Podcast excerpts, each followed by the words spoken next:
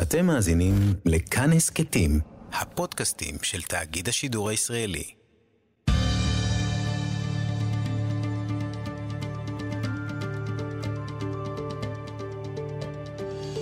כיוון הרוח עם בני טייטלבוים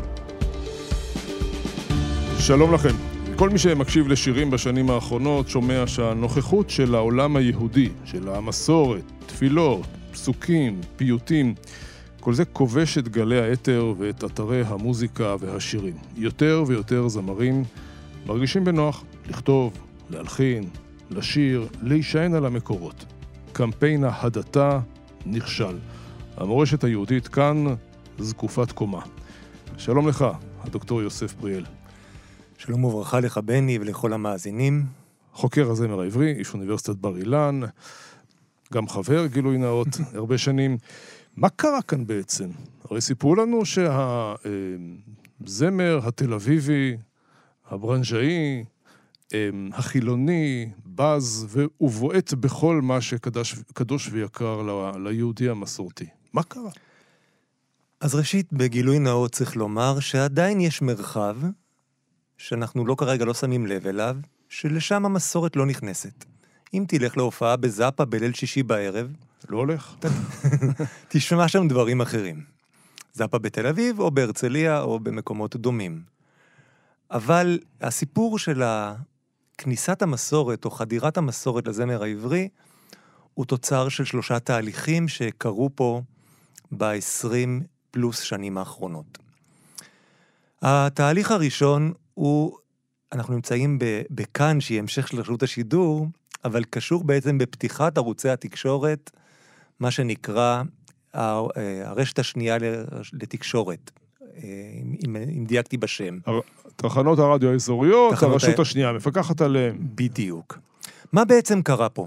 התהליך הזה קרה באמצע שנות התשעים, ובעצם לפתע התברר שאדם שגר בדימונה, או בשלומי, ומה שמעניין אותו זה פריד אל-אטרש, או אום כולתום, או ציון גולן, אם הוא תימני או לא, או אבנר גדסי, או איציק קאלה, או אני יכול להמשיך עוד 20 שמות, או 80 שמות כרגע, הוא לא צריך לשמוע את שלמה ארצי, את חווה אלברשטיין, את נורית גלרון.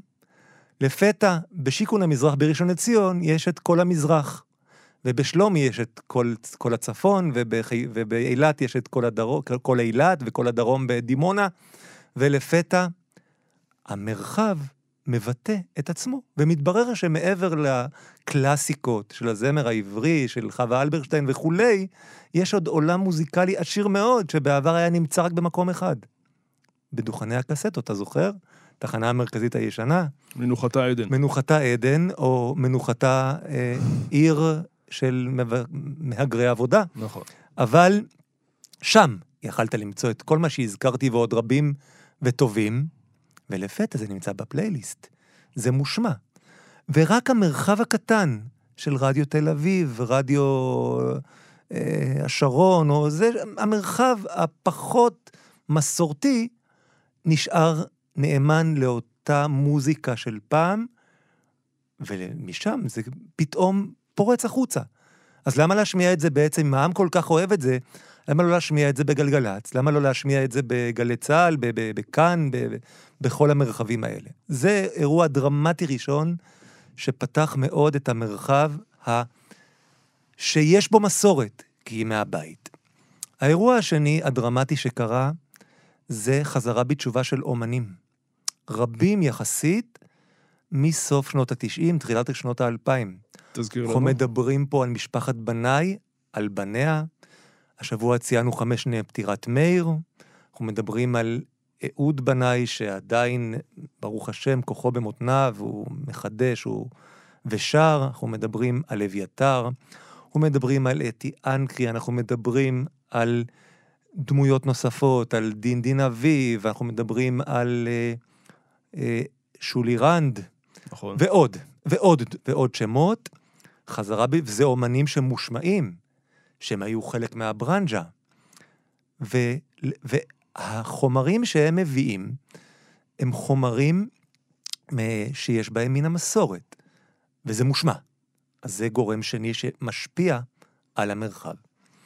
הגורם השלישי שהשפיע על המרחב, הוא לפתע שגם אנשים חובשי כיפה, בלי קשר לחזרה בתשובה כזו או אחרת, הפסיקו לשיר וטהר ליבנו בתורתך. עם כל הכבוד לשיר החביב הזה. כן, והתחילו לשיר על אה, אם תרצי, או הילדים, או, או על אה, החולשות שלי, והכמיהות שלי, והחלומות שלי, והבעיות התיאולוגיות שלי. והבעיות התיאולוגיות שלי, היקע.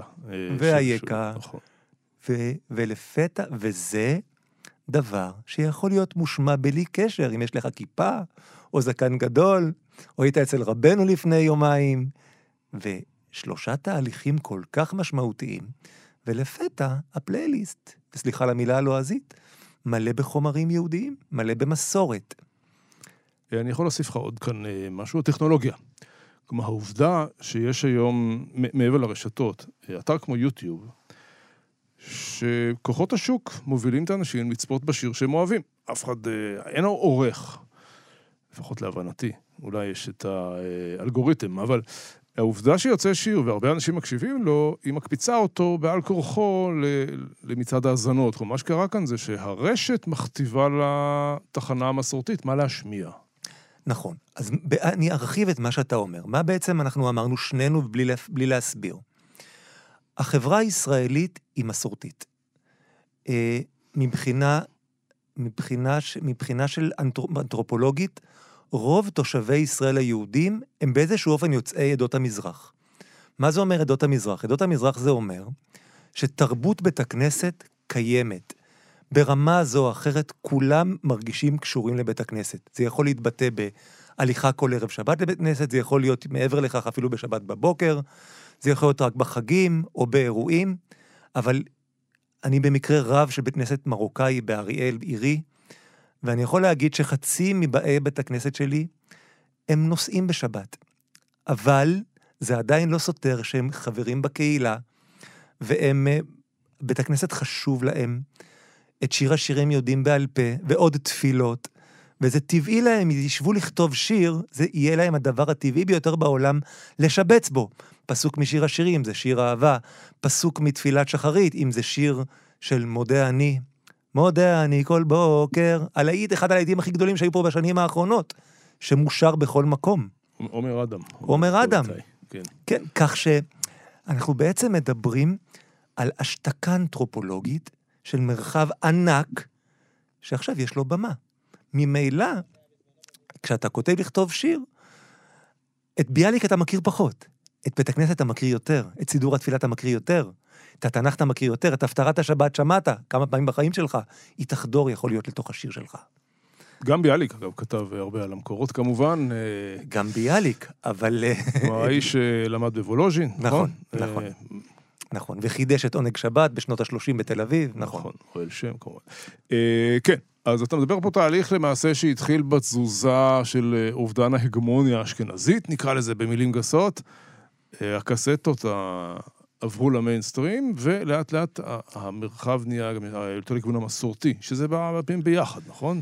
פיוטים זה מסורת. אז, אז אני רוצה לספר פה עוד סיפור שהוא היה די סודי עד לאחרונה, והיא סוגיית הפיוטים.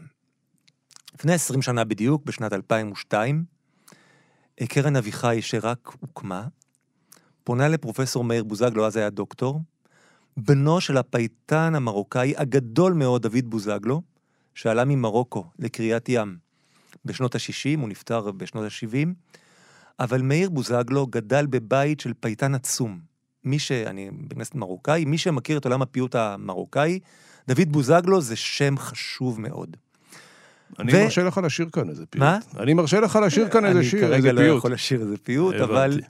אבל אה, אה, אנשים שמכירים את עולם הפיוט יודעים מי זה דוד בוזגלו. ודוד, ומאיר בוזגלו גדל בבית הזה, אך מקבל חירות חינוכית ללמוד בתיכון העירוני. כלומר, הוא, ובשלב מסוים מפסיק ללכת לחבוש כיפה.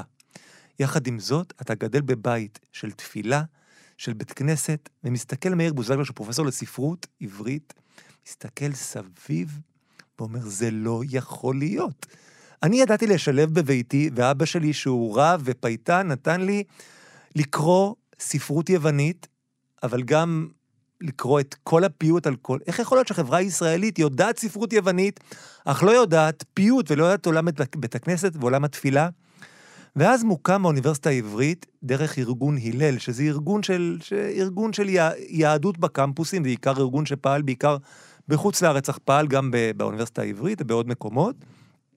קרן אביחי סוחרת את מאיר בוזגלו להפעיל פה את המהלך, והם מתחילים במפגשי מפגשי פיוט עם סטודנטים ואומנים. דמות נוספת שנמצאת שם היום, שהייתה שם, זה יאיר הראל, שאחרי זה הקים את האתר שנקרא הזמנה לפיוט, שהוא אתר... פנטסטי. פנטסטי. אני פעם אמרתי שהסיבה להקמת האינטרנט זה Mm. האתר הזה. הכ- הכמות החומר העיונית והמוזיקלית שיש שם היא, היא פשוט אוצר היסטורי בלתי רגיל. וירא כי טוב את הארץ כי נאמה. מזמין למפגשים שמתחילים, זה נקרא סעודה שלישית, ואחרי זה עובר סטודנטים ואומנים. והנה מגיעים להם אהוד בנאי, שהוזכר כאן לפני כן. אבל ברי סחרוף לא כך פשוט שאדם כמוהו הוא חלק מהתהליך הזה. אתי אנקרי.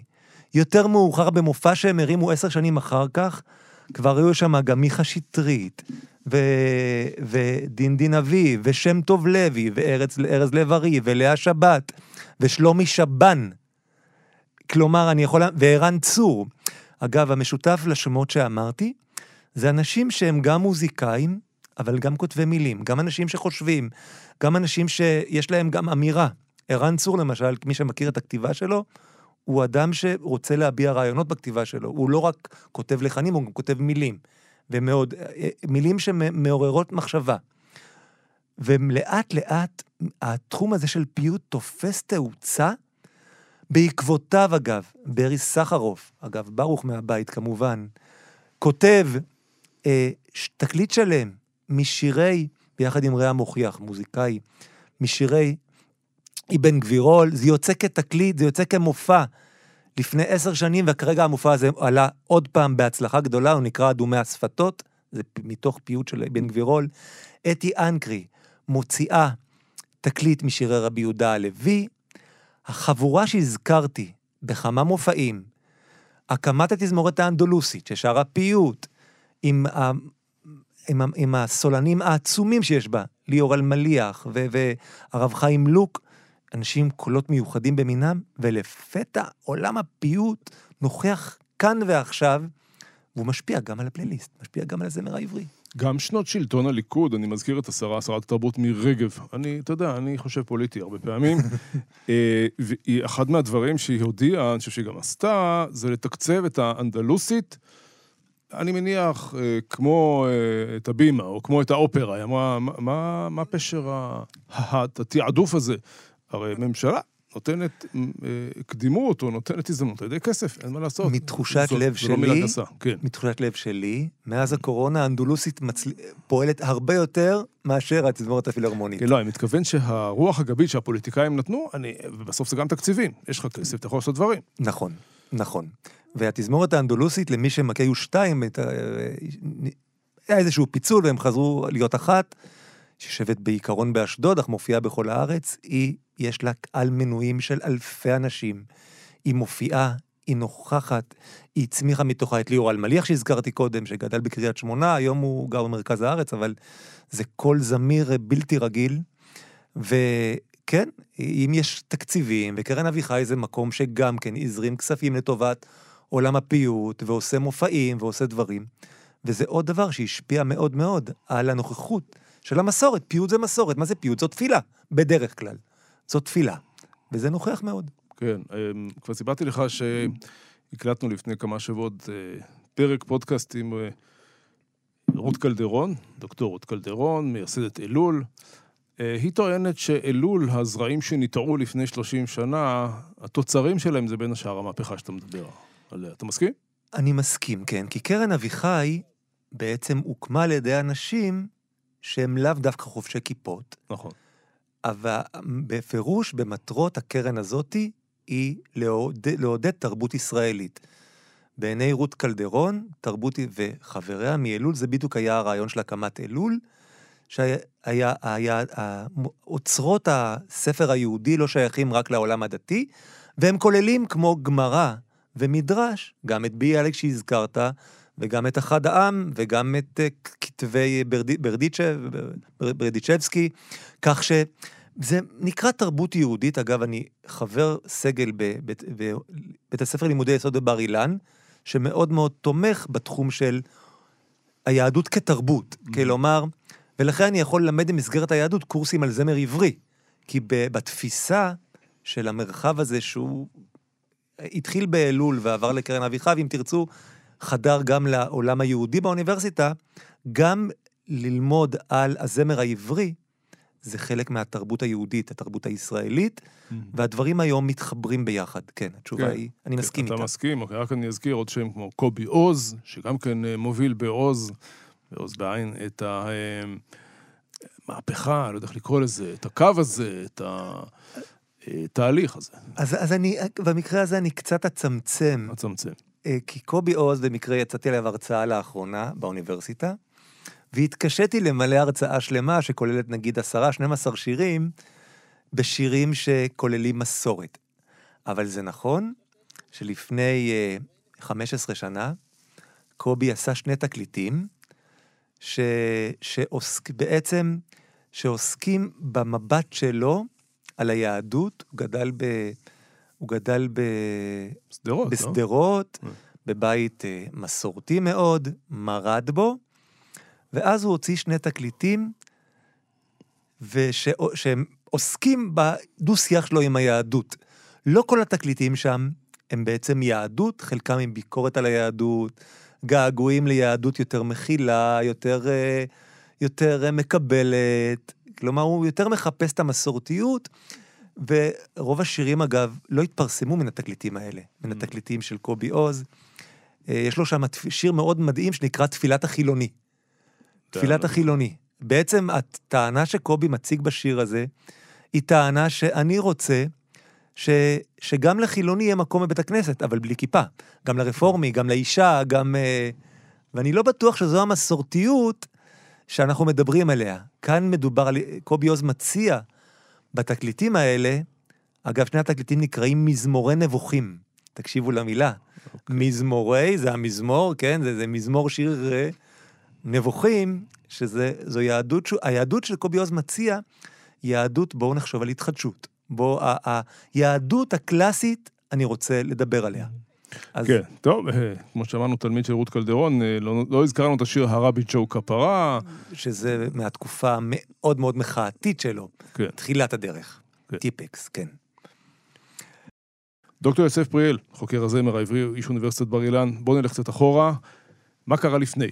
היינו בריק, בוואקום, היינו בזמר מאוד חילוני, מאוד אה, אה, אדיש ליהדות. אז בוא אני אזכיר לך כמה שירים, ותגיד לי מה היחס שלך כלפיהם. או, או עושה שלום, או עוד יישמע. זה מזכיר לי צמד רעים. שישו ושמחו בשמחת תורה. מה זה הדברים האלה? מה הם השירים האלה? מה... פסוקים. פסוקים? זה מר החסידי. נכון, בדיוק.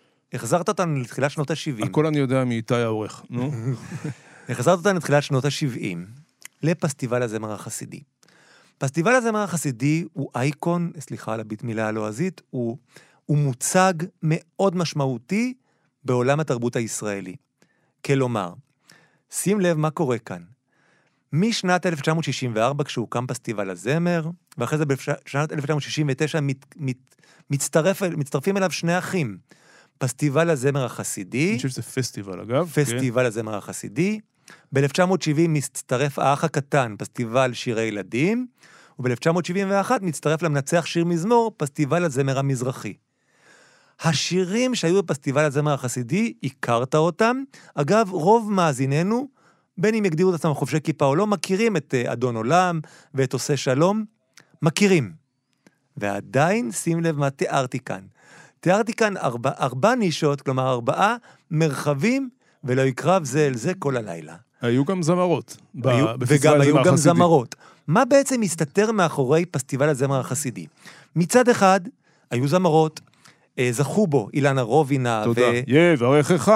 ורינה זה... גורדון, מי שזוכר את השם הזה, לא נכון, זוכר. ואילנה רובינה זה זוכה עם יברכך, ועדנה לב זוכה. כלומר, מצד אחד, הפסטיבל מאוד נוכח, מצד שני זה נישה. כלומר, אין ערבוב. זה פסטיבל הזמר החסידי.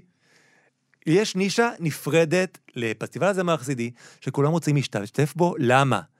כי חשיפה? הוא אירוע תרבותי, יש בו חשיפה, הטלוויזיה הישראלית עדיין בצי, בצעירה, ו- ולא, אין בה הרבה אפשרות להתבטא. 100% רייטינג, 100% אין- אין מתחרים, רייטינג, כולם מוזמנים כל. המי ומי לפסטיבל. זה האירוע, מה? מה זה אחד? ה... נכון, כמו פסטיבל הזמר, הזמר החסידי, בשנות ה-70 מצליח מאוד. מה קורה בסוף שנות ה-70? סוף שנות ה-70 כבר יש יותר טלוויזיה, כבר יש יותר רשתות, רשתות רדיו.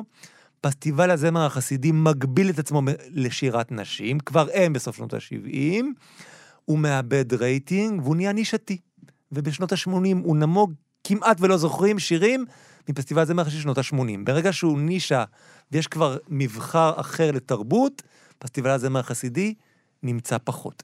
כלומר, הייתה תקופה מסוימת שהייתה מסורת, אבל היא הייתה נישתית מאוד. מתוך פסטיבל הזמר החסידי, כמה להיטים מאוד מאוד גדולים שהזכרנו, יש עוד כמה שלא הזכרנו כרגע, שמצליחים מאוד, נשמרים כנכסי צאן ברזל, אבל זו נישה. נישה לעשר שנים, שהשאירה חותם מסוים בתרבות, ו- וזהו.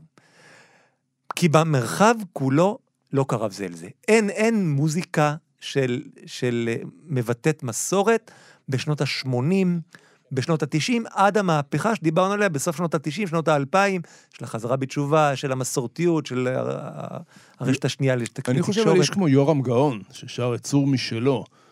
אמ, אני לא זוכר באיזה שנה זה היה, אבל, אבל יורם גאון כן, כן מגשר על כל העולמות האלה, לא? אני לא בטוח בכלל. אני, ואם מתכוון אתה... צור משלו, מעניין שהלכת... כן, והוא שר עוד שירים, הוא שר לא, לא, גם ברור, את אה, ברור.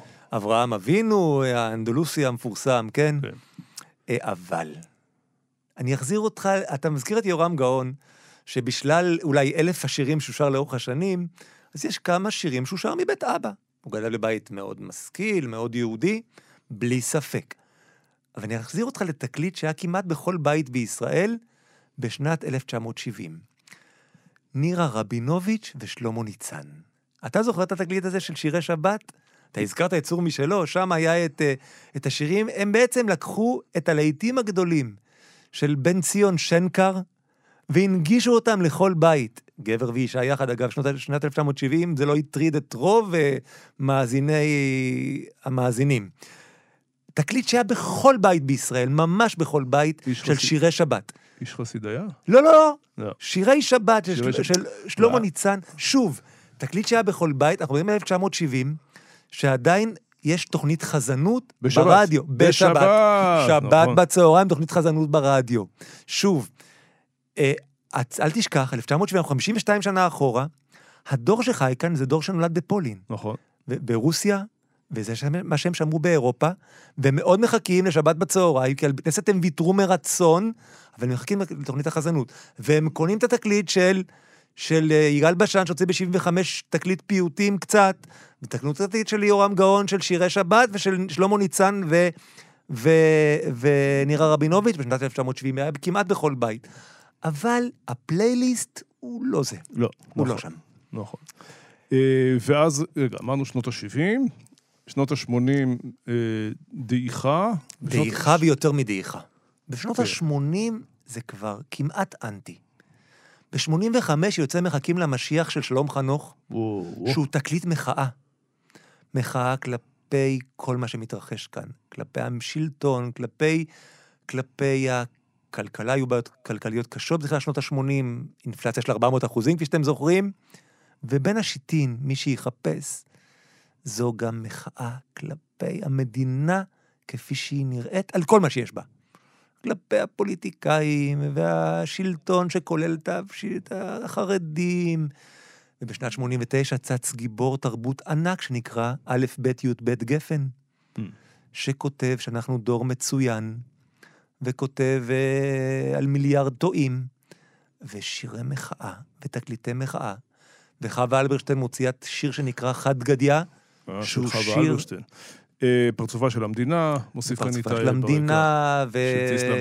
אה, אה, זה, שוב, אני חושב שזה קשור גם ל- לשלטון הפוליטי כאן. כלומר, אה, שילוב של כמה דברים, החל ממחאה גדולה מאוד כלפי שלטון הליכוד, כעס מאוד גדול על אי, הצ... על אי הצלחת הליכי השלום שנוסו בכל מיני צורות, מסוף שנות ה-80 כידוע, ועידת מדריד אחר כך וקמפ דיוויד שנכשל, אוסלו.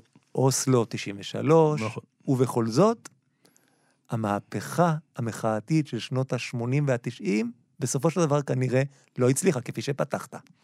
כנראה שלא הצליחה. היום אביב גפן מופיע באהבה עם כיפה בכפר חב"ד. זה מדהים. האמת, מה שאביב גפן עבר, זה באמת, אה, זה נייר הלקמוס בעצם.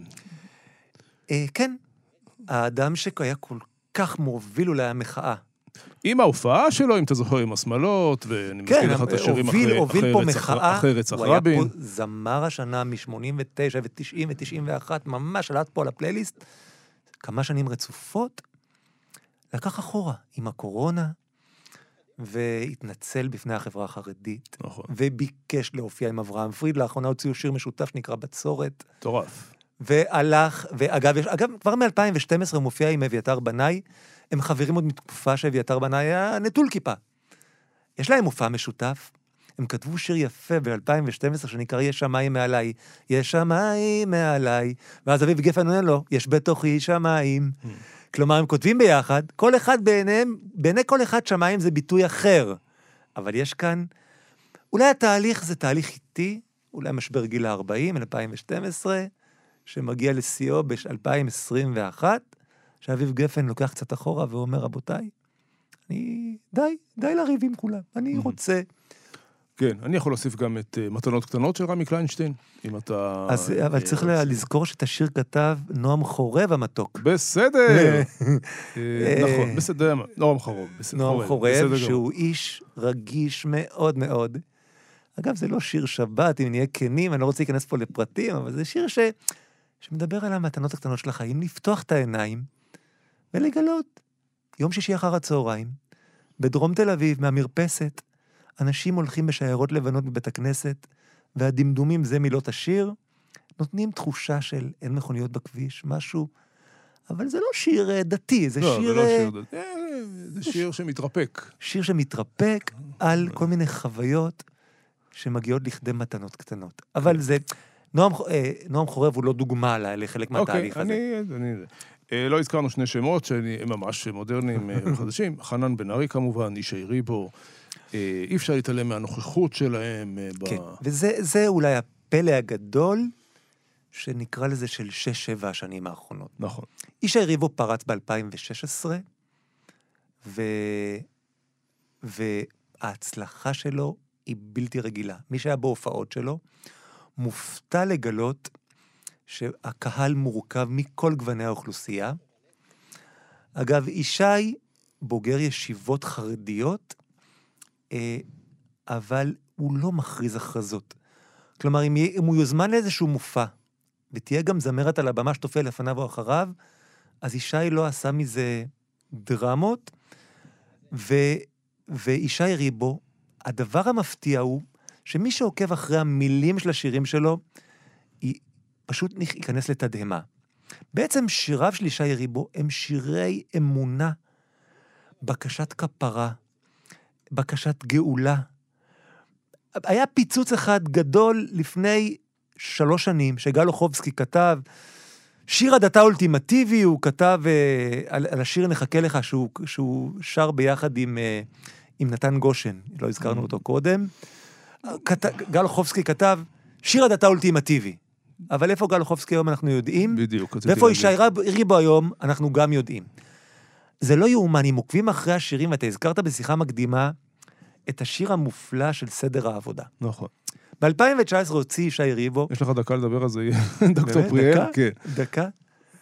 זה, ישי ריבו לקח פה את סדר עבודת יום כיפור, שהכהן שנכנס לפני ולפנים, ביום הכיפורים, ובעצם הסב מוטיבים מתוך עבודת כהן הגדול לעבודה הפנימית שישי מדבר עליה בכל השירים שלו. זה לא סותר את העובדה שלקהל שלו יגיעו בנות עם לבוש מכזה או אחר.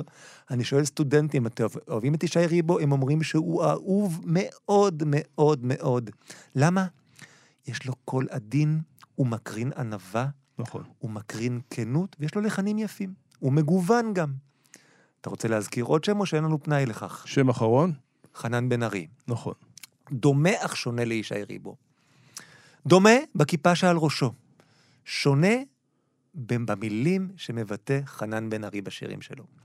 ישי מדבר אמונה, ציפייה לגאולה. חנן מדבר, אוי ואבוי, על ילדים ומשפחה, על הסריטות והחשש. על השריטות. על... חנן מדבר אוי ואבוי. כן.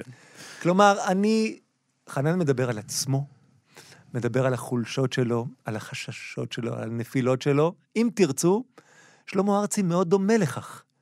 השירים של שלמה ארצי ב-40 השנים, 44 השנים האחרונות, מאז שלח לי עיבוד דרך מרפסת, הם, אה, הם בדיוק אותו מוטיב. אז אם שלמה ארצי היום עם קהל מאזינים נאמן, וההופעות שלו נמכרות בקלות, גם חנן בן ארי היום. נכון. מוכר בקלות, כי הוא מוכר בעצם את אותם חומרים בעיבודים מודרניים. הוא, הוא פחות שר, הוא יותר מדבר, הוא פונה לקהל, הוא מתחבק עם הקהל, הוא מדבר כנות, הוא מביא את המשפחה, הוא מעלה את הבת שלו לשיר איתו. הקהל מאוד אוהב את הכנות, הנוכחות הזאת.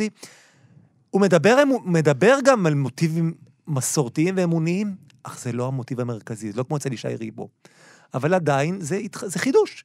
זה שחנן בן ארי וישי ריבו היום נמצאים בשיא, הש- השיר המושמע ביותר בשנה שעברה, היה השיר של ישי ריבו. שנה קודם זה היה חנן בן ארי, אם תרצי, ואחרי זה סיבת הסיבות. נכון. כלומר, הם לגמרי נוכחים, ולא אמרנו עוד מילה על אבי אוחיון, ו...